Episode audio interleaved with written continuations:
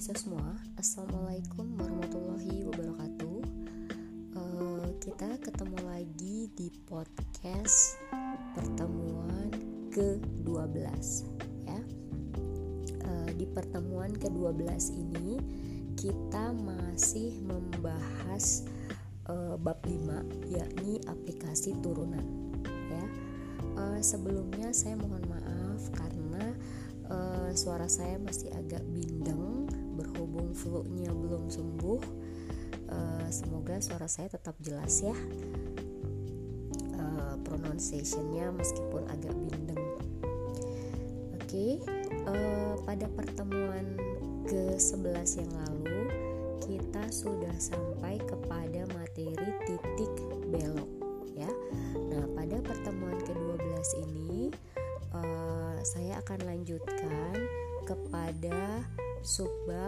asimtot fungsi ya. Jadi uh, mohon Anda buka slide-nya nomor 21. Uh, baik, sudah dibuka semua slide-nya uh, yang nomor 21. Oke, kalau sudah, sekarang kita mulai bahas sama-sama ya.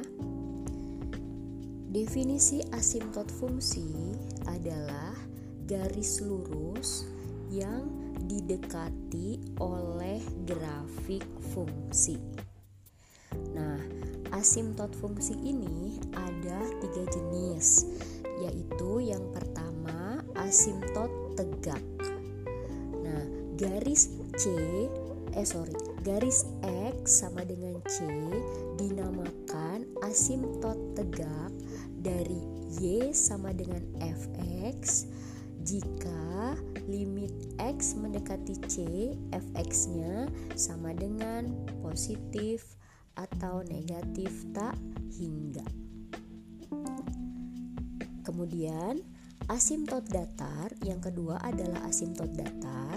Di sini garis y sama dengan b dinamakan asimtot datar dari y sama dengan fx jika limit fx-nya x mendekati positif negatif tak hingga sama dengan b. Ya. Nah, berikutnya asimtot jenis yang ketiga adalah asimtot miring.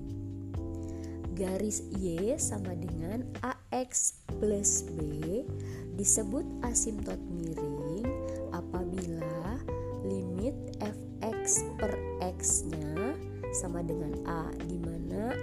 mendekati positif negatif tak hingga dan limit fx dikurang ax sama dengan b di mana x-nya mendekati positif negatif tak hingga ya. Nah, jadi saya ulang asimtot fungsi e, merupakan garis lurus yang didekati oleh grafik fungsi dan ada tiga jenis asimtot fungsi. Berikut e, syarat-syaratnya ya. Ada asimtot tegak, ada asimtot datar dan ada asimtot miring. E, Oke. Okay. Berikutnya Anda buka slide nomor 22. Di sini ada gambarnya asimtot tegak yang seperti apa. Nah, di sini ada dua gambar yang sebelah kiri bentuknya akan seperti itu jika kasusnya limit fx sama dengan uh, positif tak hingga di mana x-nya mendekati a ke arah kiri. Dan limit fx sama dengan positif tak hingga untuk x-nya mendekati a dari arah kanan. Sedangkan untuk grafik yang di sebelah kanan, uh, di sini kasusnya adalah limit fx sama dengan negatif tak hingga untuk x mendekati a dari arah kiri. Dan limit fx sama dengan positif tak hingga untuk x mendekati a dari arah kanan. Ya. Nah, jadi pada kedua gambar ini dua-duanya merupakan asimtot tegak dengan dua macam kasus ya. Jadi bisa bentuknya seperti yang kiri, juga bisa bentuknya seperti yang kanan ya. okay?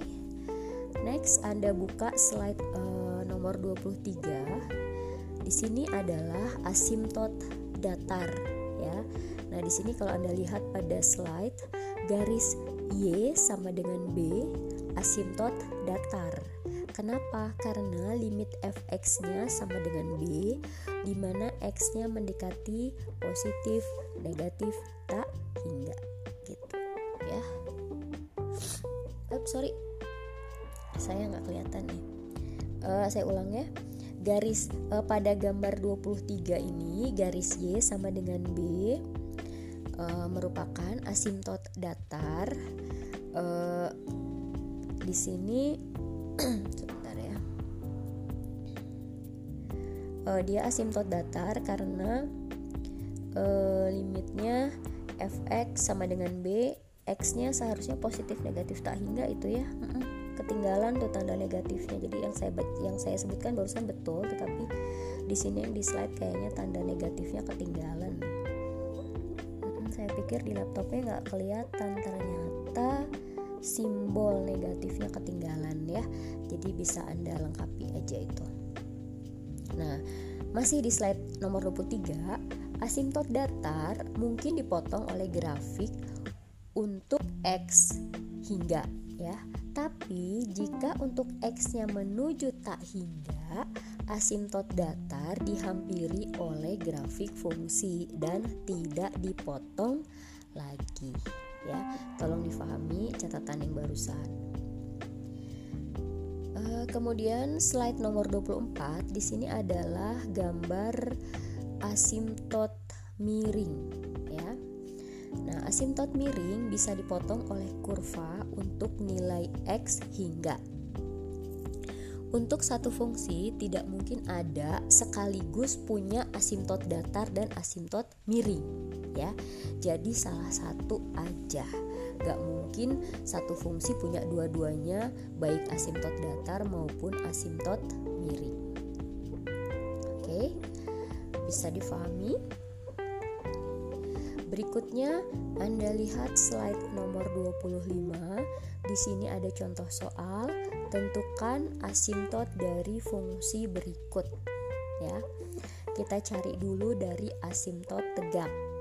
Nah, sebelum mencari asimtot tegaknya, Anda perhatikan dulu eh, apa namanya? sifatnya tadi bahwa asimtot tegak itu garis X sama dengan C. Nah, dari Y sama dengan Fx dan di sini jika limit fx-nya sama dengan positif negatif tak hingga dengan syarat x-nya mendekati c. Nah, di sini x-nya adalah berapa? Sama dengan 2. C-nya jadi berapa? 2. Nah, kalau sudah seperti biasa Anda cari limit kiri dan limit kanannya Nah, limitnya dengan batas X-nya mendekati 2 dari arah kiri dan yang limit kanannya X-nya mendekati 2 dari arah kanan. Nah, setelah Anda cari, Anda hitung, ternyata hasilnya limit kirinya negatif tak hingga dan limit kanannya positif tak hingga ya. Jadi di sini sudah di uh, sudah ditemukan bahwa X-nya sama dengan 2 ya, sudah memenuhi syarat asimtot tegak. Selanjutnya kita lanjutkan mencari asimtot datar. Nah, asimtot datar tadi syaratnya apa? Garis Y sama dengan B. Nah, dari fungsi Y sama dengan fx jika limit fx-nya sama dengan B ya dan batas limitnya adalah positif negatif tak hingga. Nah, setelah Anda cari limitnya ternyata hasilnya bukan B ya, tapi malah tak hingga. Nah, karena setelah kita e, lakukan proses perhitungan dengan sifat asimtot datar, hasilnya tidak sesuai, dalam arti bukan B ya, bukan berupa bilangan melainkan hasilnya malah tak hingga, maka disimpulkan bahwa fungsi tersebut tidak memiliki asimtot datar. Bisa difahami kenapa dia nggak punya asimtot datar? Oke, jadi kembali lagi ke sifat yang tadi ya, bahwa uh, asimtot datar itu limit fungsinya harus sama dengan b, bukan tak hingga ya. Oke, baik. Sekarang saya lanjutkan uh, pada slide nomor 26 yakni kita cari asimtot miringnya. Nah, asimtot miringnya tadi apa sifatnya? Garis Y sama dengan AX plus B. Nah, di sini kita cari dulu A, A dan B-nya ya. Karena di sini kita melibatkan uh, A dan B, jadi kita cari dulu A-nya ya. Anda perhatikan uh, proses pengerjaannya seperti yang ada di slide. Nah, setelah dihitung, ternyata A-nya adalah satu. Kemudian B-nya berapa ini? B-nya adalah 0 ya. Nah, kalau sudah kita dapat A-nya 1 dan B-nya 0, kita masukkan kepada persamaan Y sama dengan AX plus B. Jadi Y-nya berapa?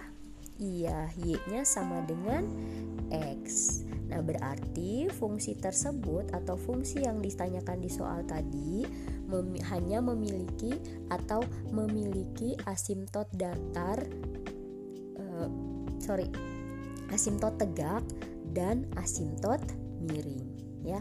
Oke, saya ulang. Jadi, dari fungsi fx sama dengan x kuadrat min 2x plus 4 per x min 2 hanya memiliki asimtot tegak yakni x sama dengan 2 dan memiliki asimtot miring yakni y sama dengan x ya. Sampai sini bisa difahami? Oke. Berikutnya untuk slide eh, 27 ada contoh soal. Fungsinya masih sama tapi di sini ditanyain eh, selang kemonotonan dan ekstrim fungsi. Nah, biasanya kalau ujian gini kan ya. Fungsinya satu tapi pertanya pertanyaannya beranak nih kayak gini. Diketahui fungsinya ini ya. Eh, kemudian pertanyaannya Tentukan selang kemonotonan dan ekstrim fungsi, kemudian selang kecekungan dan titik belok, lalu asimtotnya, kemudian terakhir adalah gambarkan grafiknya. Nah ini Anda perhatikan, uh, saya nggak perlu bacakan, Anda perhatikan dan sambil iseng dicoba-coba sendiri, cocok nggak nih sama jawaban dengan penyelesaian yang ada di slide ya. Nah uh, saya lanjut langsung ke slide 28 ya bahwa dari perhitungan contoh soal tadi gambarnya seperti ini ya jadi step-step yang harus anda lakukan adalah seperti yang sudah kita bahas di uh, pertemuan sebelumnya ya nah jadi gambarnya di slide nomor uh, slide nomor 28 seperti ini jadi dia punya asimtot apa aja tuh kalau dari gambar Iya, dia punya asimtot tegak dan asimtot miring ya. Oke. Semoga bisa difahami ya. Sekarang kita lanjut ke slide nomor 31 yakni masalah maksimum dan minimum lainnya. Nah, di sini maksudnya adalah uh, kita mengaplikasikan uh, rumus atau sifat-sifat dalam menentukan nilai maksimum minimum tapi ke dalam bentuk e, masalah atau soal dalam kehidupan sehari-hari. Mungkin kalau bahasa bahasa awamnya adalah soal cerita ya. Jadi kita mengaplikasikan rumus tersebut, rumus maksimum minimum ke dalam soal cerita ya. Nah, jadi di sini e, contoh soalnya adalah suatu plat seng yang lebarnya 30 cm akan dibuat talang air dengan melipat kedua sisinya sama panjang. Nah, supaya talang itu dapat dialiri air sebanyak-banyaknya. Nah, tuh ada kata sebanyak-banyaknya. Ya, tentukan ukuran penampang tegak talang tersebut. Nah, itu uh, Anda lihat ada apa sketsa gambar talangnya ya. Uh, di situ kalau lihat ukurannya ya. Anda bisa lihat kedua panjang sisinya X. Nah berarti itu e, lebarnya adalah 30 dikurang 2X bisa difahami kan? Itu 2X dapatnya dari mana? Iya ya. Dari X yang di kiri dan X yang di sisi kanan. Nah kemudian misalkan X adalah panjang sisi yang dilipat. Nah, maka ukuran penampang talang tersebut panjangnya sama dengan 30 dikurang 2x, lalu lebarnya adalah x ya. Sampai sini bisa difahami? Semoga bisa ya. Lalu kita lanjut ke slide nomor 32. Nah, supaya talang itu dapat dialiri air sebanyak-banyaknya, maka luas talangnya harus gimana? Harus maksimal ya. Dengan P-nya sama dengan 30 min 2X dan lebarnya sama dengan X. Nah, maka diperoleh luasnya adalah 30 dikurangi 2X kali X. Lalu kita lanjutkan uh, stepnya. Model kita membuat model matematikanya untuk luas penampang talang, ya. Andaikan di sini kita ambil variabel a, ya a besar. Misal bu, saya ganti b, boleh nggak? Boleh, ya. Apa pun itu, pokoknya uh, jelas gitu a itu apa. Nah, kemudian di sini model matematikanya adalah a sama dengan min 2x kuadrat plus 30x ya. Ini adalah bentuk dari luas tadi ya. Nah, kalau sudah karena ini uh, adalah soal aplikasi turunan, maka kita cari A aksen X atau turunan pertama dari A tadi, yakni min 4X ditambah atau plus 30. Kemudian lanjut kita cari uh, turunan keduanya atau A aksen 2X yakni hasilnya adalah min 4 ya. Setelah kita turunkan sampai turunan kedua, kita lanjut mencari titik kritis ya.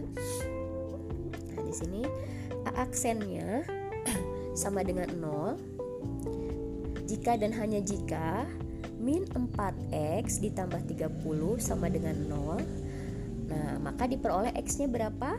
Tujuh setengah ya atau 7,5 nah selanjutnya turunan kedua dari 7,5 sama dengan min 4 nah di sini min 4 kan karena kurang dari 0 berarti tercapai nilai maksimum ya. Nah Bu nentuin ini kenapa dinamain maksimum? Kok nggak minimum? Seperti yang cara minggu lalu ya dibuat garis bilangan supaya Anda tahu uh, dia maksimum atau minimum. Nah, kemudian jadi agar luas penampang talang itu maksimum, maka ukurannya, nah panjangnya sudah Anda masukin ya si variabel uh, variabelnya udah diganti dengan 7,5. Jadi 30 dikurangi 2 kali x-nya udah diganti kali 7,5. Nah, hasilnya berapa? 15 cm sedangkan lebarnya tadi kita sudah peroleh yakni 7,5 cm ya. Jadi intinya kalau tentang masalah maksimum minimum lainnya itu adalah kita mengerjakan e, aplikasi turunan tapi soalnya dalam bentuk soal cerita gitu ya. Dan soal ceritanya bentuknya macam-macam, ada yang ke arah biologi, ada yang ke arah fisika dan ada yang ke arah ekonomi juga ya. E, cuma intinya cara mengerjakannya sama kita menggunakan sifat-sifat turunan gitu ya. Oke e, berikutnya anda buka slide nomor 33 nah di sini fisika nih sebuah partikel ya. Nah ini anda baca sendiri dan anda pahami ya step-stepnya. Tapi e, kurang lebih anda coba pahami pola mengerjakannya dari contoh soal yang pertama tadi dengan yang ini ya pahami step-stepnya. Karena gini ya di dalam uh, kalkulus di dalam mata kuliah yang sifatnya analisis apabila perbendaharaan kita dalam mengerjakan soal itu lebih banyak maka Anda akan semakin kaya. Kaya dalam arti gini oh kalau soalnya bentuknya gini cara ngerjainnya gini. Oh kalau soalnya kayak gitu cara ngerjainnya begitu.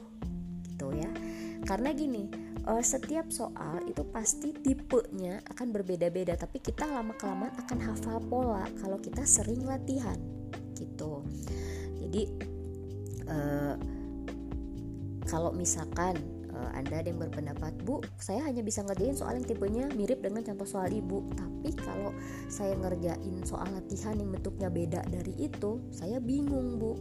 Nah, supaya nggak bingung, seperti saran saya, minimal Anda cari dari buku, misalkan dari buku parsel. Kalau habis belajar bab ini gitu ya, Anda buka buku parsel, ambil sampel dua soal, random ya. Jangan cari yang mirip dengan contoh soal saya Nah, nanti Anda cari lagi yang beda lagi. Terus iseng cari buku penerbit lain, Anda ngerjain lagi satu soal. Nanti dari tiga itu Anda jejerin tuh si kertas oret-oretan. Anda pahami polanya.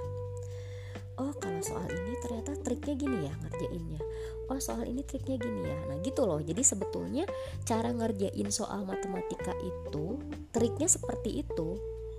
Sama dengan kalau gini ya, saya kasih contoh eh, analogi dalam kehidupan sehari-hari misalkan nih uh, anda di sini kan uh, rata-rata mungkin bisa naik motor ya nah uh, rata-rata bisa naik motor terus uh, kan kadang-kadang motor anda itu rewel nih nah kan pasti kalau awal-awal bingung ya. Duh ini motor kenapa ya? Anda anda pasti menganalisa tadi ngapain ya ini motor? Abis kena apa ya? Mungkin langsung dipikirin oh tadi kena banjir di daerah Gede Bage tadi kerendam air. Oh dampaknya jadi gini. Oke nah di situ anda berusaha memul apa? Berusaha untuk uh, menganalisa lebih dalam oh dia ternyata kalau kena air dampaknya gini. Nah ketemu nih akhirnya kan penyakitnya anda tahu nih solusinya. Oh oke okay, caranya gini anda browsing ke atau ke bengkel mungkin kalau malas atau misalkan diulik dulu sendiri gitu. Oh caranya gini ketemu nih ya misalkan oh motor saya udah nyala lagi nih uh, setelah kerendam. Nah anda punya catatan di otak anda bahwa motor kalau kerendam air cara mengatasinya A kemudian kasus lain masih dengan motor yang sama. Nah tiba-tiba misalkan motor anda itu uh, apa ya menempuh perjalanan jauh banget uh, jarak tempuhnya. Misalkan cuma dipakai dari kosan kosan misal di daerah bawah batu terus ke kampus. Nah uh, someday motor itu anda pakai ke Garut misalkan. Uh, yang medannya agak darutnya dar, dar Garut yang jauh banget gitu ya apa medannya agak lebih berat? Nah tiba-tiba motor anda rewel dan rusak nih. Nah di situ anda mikir kan pasti kalau rusak nggak langsung dibawa ke bengkel ya. Biasanya kalau orang orang matematik orang eksak masalah apa pun yang anda hadapi mau motor rusak mau misalkan apa namanya gadget Anda tiba-tiba ngeheng, pasti kan nggak langsung nyerah begitu aja dibawa ke tempat reparasi atau tempat servis kan, pasti mikir dulu. Kenapa ya kok bisa gini? Tadi abis saya pakai ngapain ini motor? Nah pasti kan akhirnya Anda kan mengarah ke analisa awal tadi ya ke awal dulu. Oh tadi dia lewat medannya yang begini. Jadi si motor tuh kena guncangan kenceng banget. Gini gini gini gini. Nah akhirnya ketemu kan oh oke. Okay, dia rasanya jadi nggak enak dan jadi rusak gara-gara menempuh jalan ini. Oh solusinya gimana? Nah solusinya kan bisa dengan ke bengkel tapi kan namanya ke bengkel kan sama dengan kalau ke dokter ya. Pasti bengkelnya nanya dulu kerasanya kenapa A? Kenapa teh motornya? Nah maka si montir tersebut akan memperbaiki berdasarkan keluhan anda kan bahwa ini motor uh, bergetarnya kencang banget terus atau kan tiba-tiba mesinnya berhenti atau ketika di starter jadi apa namanya nggak selancar biasanya gitu ya atau langsamnya tiba-tiba membesar sendiri gitu. Nah itu kan jadi dari uh, dari beberapa kasus yang anda alami dari motor anda yang dari kena air ataupun kena medan yang lebih berat dengan jarak tempuh jarak tempuh jauh. Nah, di situ Anda bisa mulai baca pola kan bahwa oh motor saya kalau kena air akan begini. Oh, motor saya kalau menempuh e, jarak tempuh yang lebih dari sekian puluh kilometer dampaknya begini. Nah akhirnya anda akan hafal gitu. Hafal bahwa motor anda itu kalau kena A akan dampaknya begini kalau kena B akan dampaknya begini. Akhirnya anda udah tahu solusinya. Oh kalau lewat air motor aku akan gini caranya. Oh kalau jarak tempuh jauh motor aku cara cara ngehandle-nya atau cara makainya harus begini. Nah itu yang saya maksud dengan anda harus rajin melatih mengerjakan soal.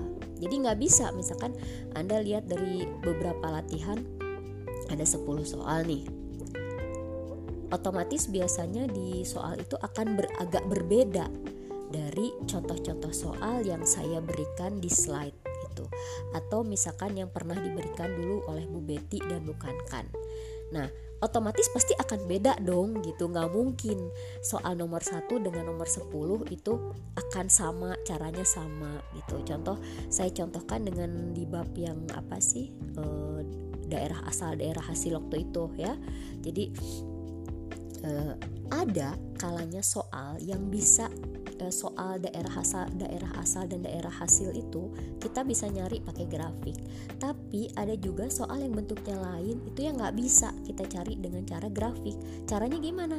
Caranya akan ketemu dengan sendirinya ketika anda belajar tadi belajar mengerjakan oh kok soal latihan yang bentuknya akar fungsinya dia cara nyari df-nya begini nyari rf-nya begini gitu ya. Jadi kesimpulannya dari apa yang saya jelasin tentang pola pola mengenali soal adalah uh, ketika Anda mengerjakan tiga soal atau lebih, Anda jajarin tuh si kertas oret-oretan Anda. Terus diskusi kan sama teman. Bisa aja Anda untuk meyakinkan jawaban saya benar atau enggak ya. Nah, itu Anda jangan nanya sama dosennya, jangan misalkan Bu, ini saya benar enggak? Ini nah kan nggak mungkin ya. E, dosen Anda itu harus fokus kepada si A uh, diskusinya si A jawabannya ini, si B ini, si C ini. Nah, sedangkan kan Anda misalkan menunggu jawaban dosennya tuh lama kan siapa tahu dosennya lagi rapat kek atau lagi ngajar mata kuliah lain atau misalkan lagi di jalan dan nggak pegang handphone dan nggak pegang kertas untuk otret-otret uh, soal Anda gitu. Jadi caranya adalah belajar untuk tidak bergantung kepada orang lain ya apalagi Anda udah semester berapa nih ya semester hampir sudah hampir selesai ya. Jadi uh, sudah harus menjadi orang yang problem solver ya. Bukan asker bukan orang yang dikit-dikit ketika ada masalah nanya gitu. Aduh ini gimana ya? Nah karena uh, anda sudah di titik bukan mahasiswa baru gitu ya.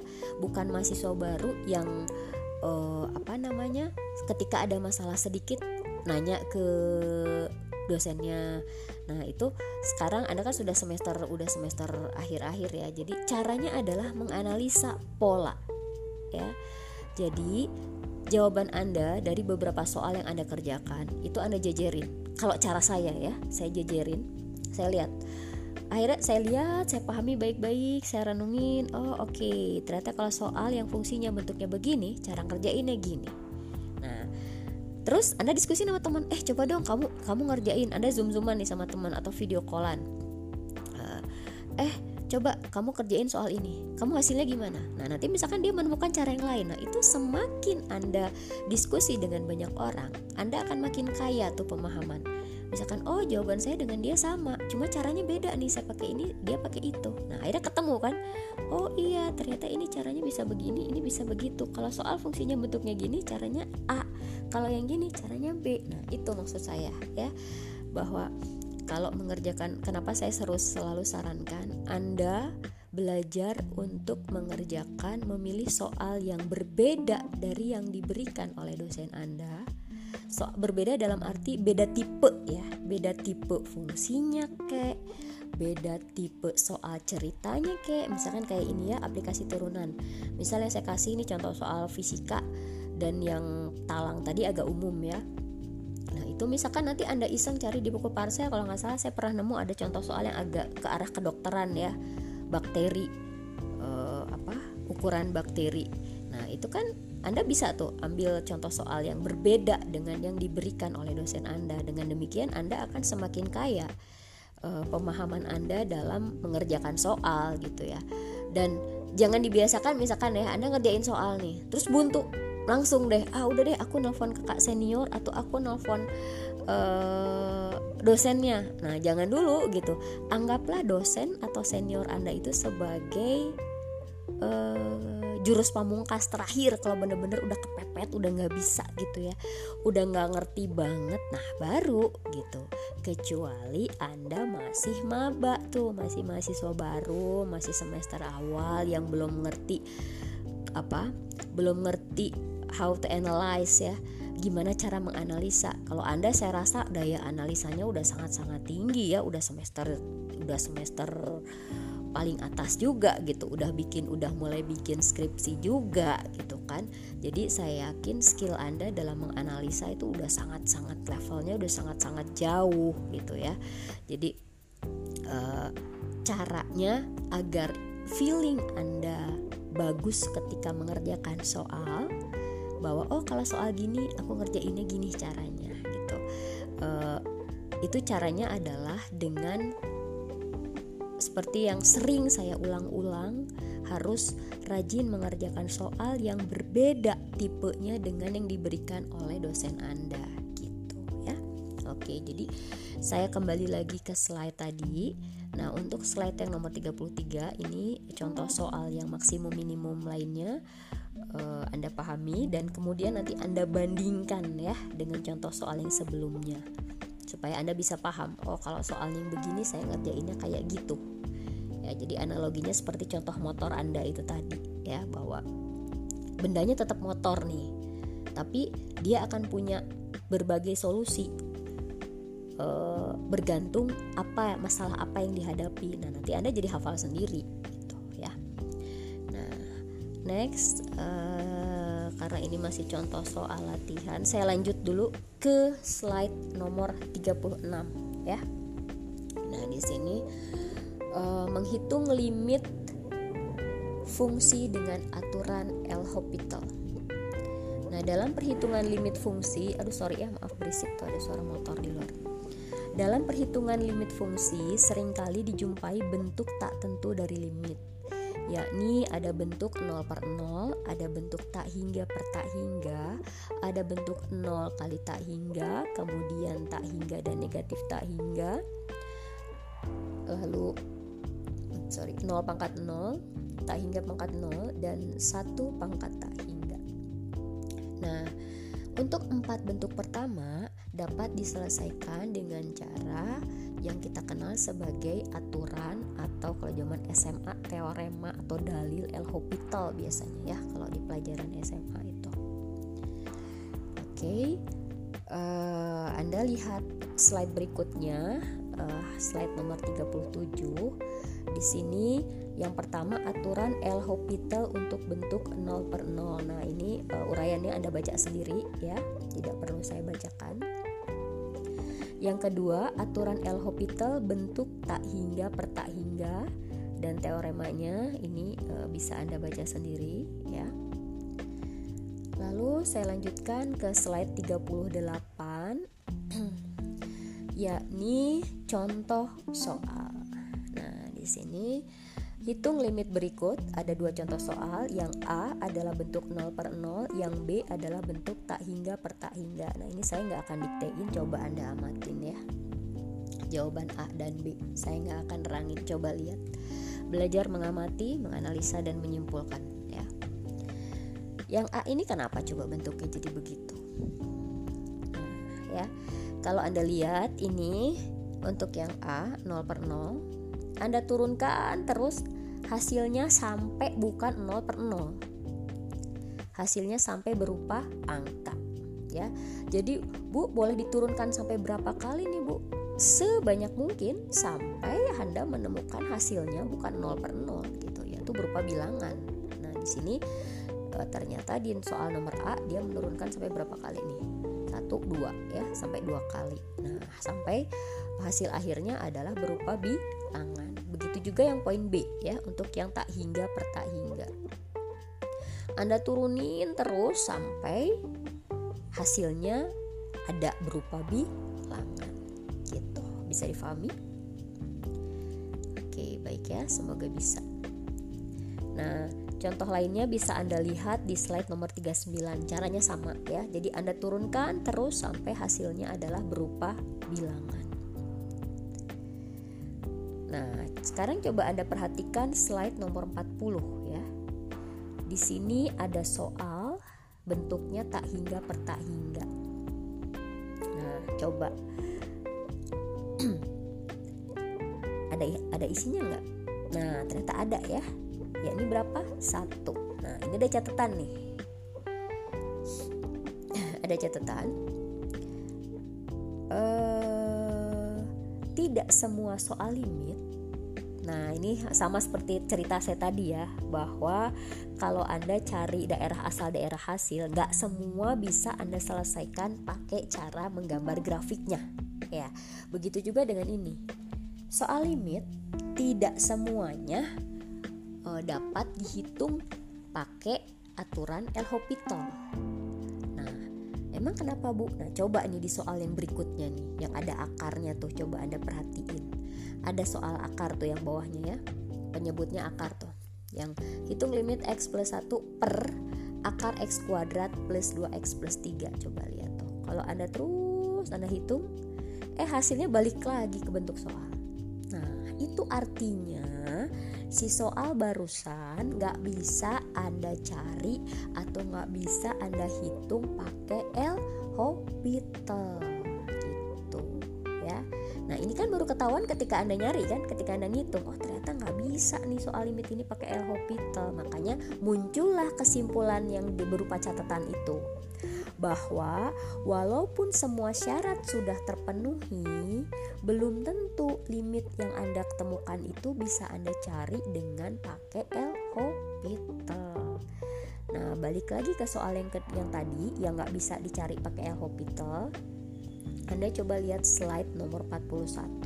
Nah, jadinya uh, Anda cari dengan cara lain.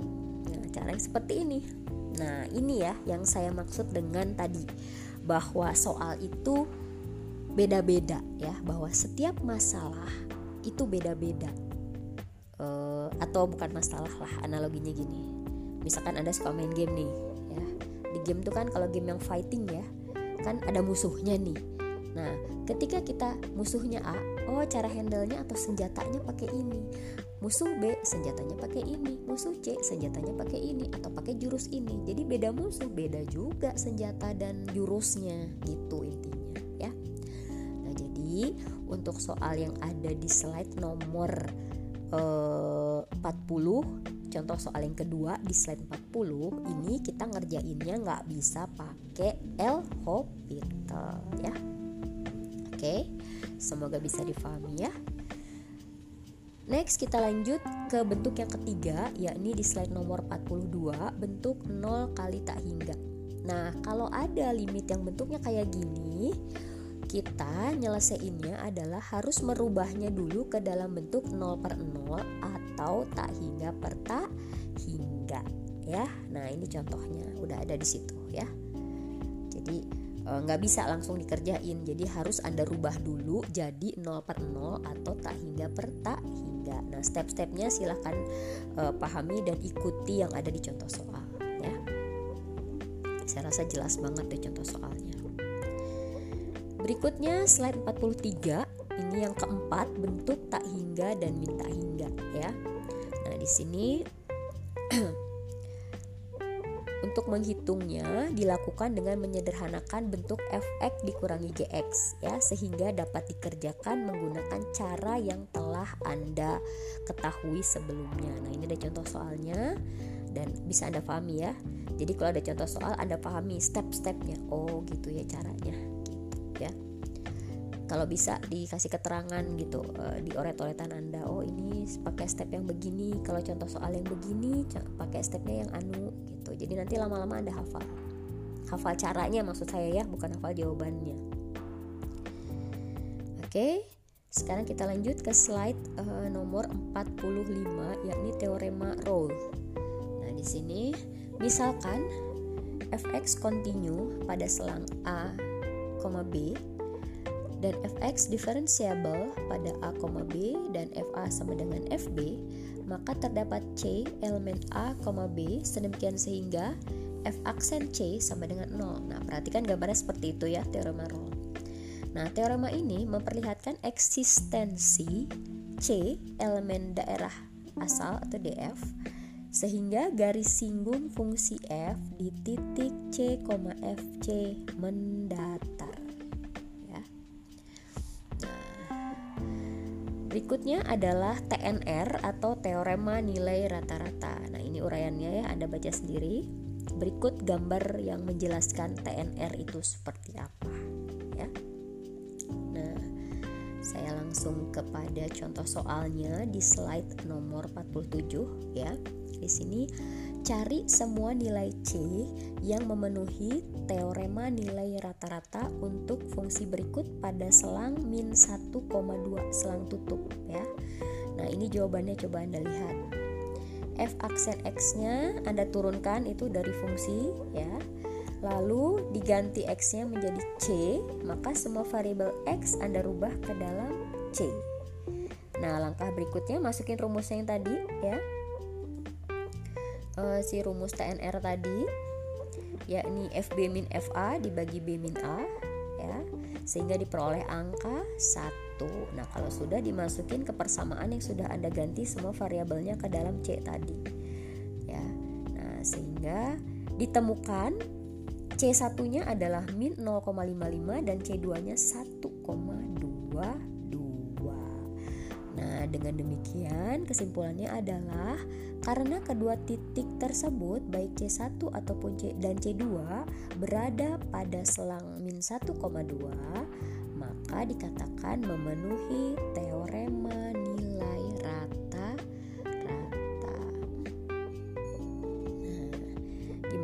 soal di slide 47 bisa difahami? Semoga bisa difahami ya. Next kita lihat contoh soal yang kedua pada slide nomor 48. Di sini tentukan nilai C yang memenuhi TNR atau teorema nilai rata-rata untuk fx sama dengan 2 akar x pada selang 1 selang tutup 1,4 ya. Nah, caranya sama ya. Anda cari turunan pertamanya, kemudian variabel x-nya Anda ganti dengan C. Lalu dimasukin ke rumus yang tadi ya, FB min FA dibagi B min A.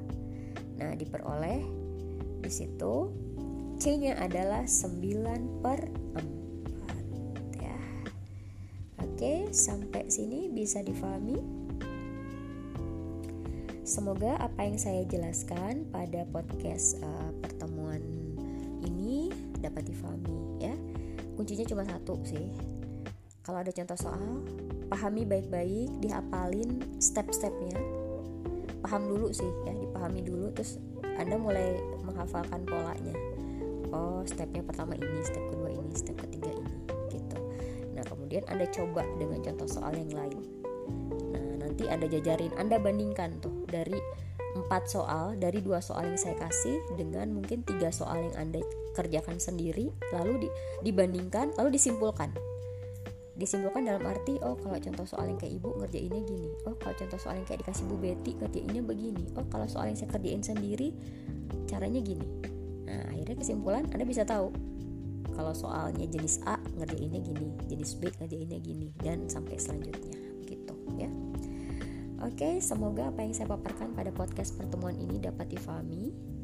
Uh, tetap semangat dan belajar untuk uh, bisa menjadi uh, great problem solver ya. Menjadi pemecah masalah yang baik ya. Uh, dan pastinya juga bisa melalui mata kuliah ini dengan nilai yang jauh lebih baik dari nilai yang pernah anda peroleh uh, beberapa semester yang lalu ya. Anda dapat kalkulus satu ini dulu semester berapa tuh? Saya lupa jadi semoga hasilnya lebih baik ya karena saya yakin kan materi ini sebetulnya Anda sudah pernah dapat. Jadi hanya Anda tinggal memperkaya saja gitu. Ya yang penting tetap semangat ya. Oke sampai ketemu di podcast berikutnya. Uh, tetap jaga kesehatan ya. Oke wassalamualaikum warahmatullahi wabarakatuh. Dadah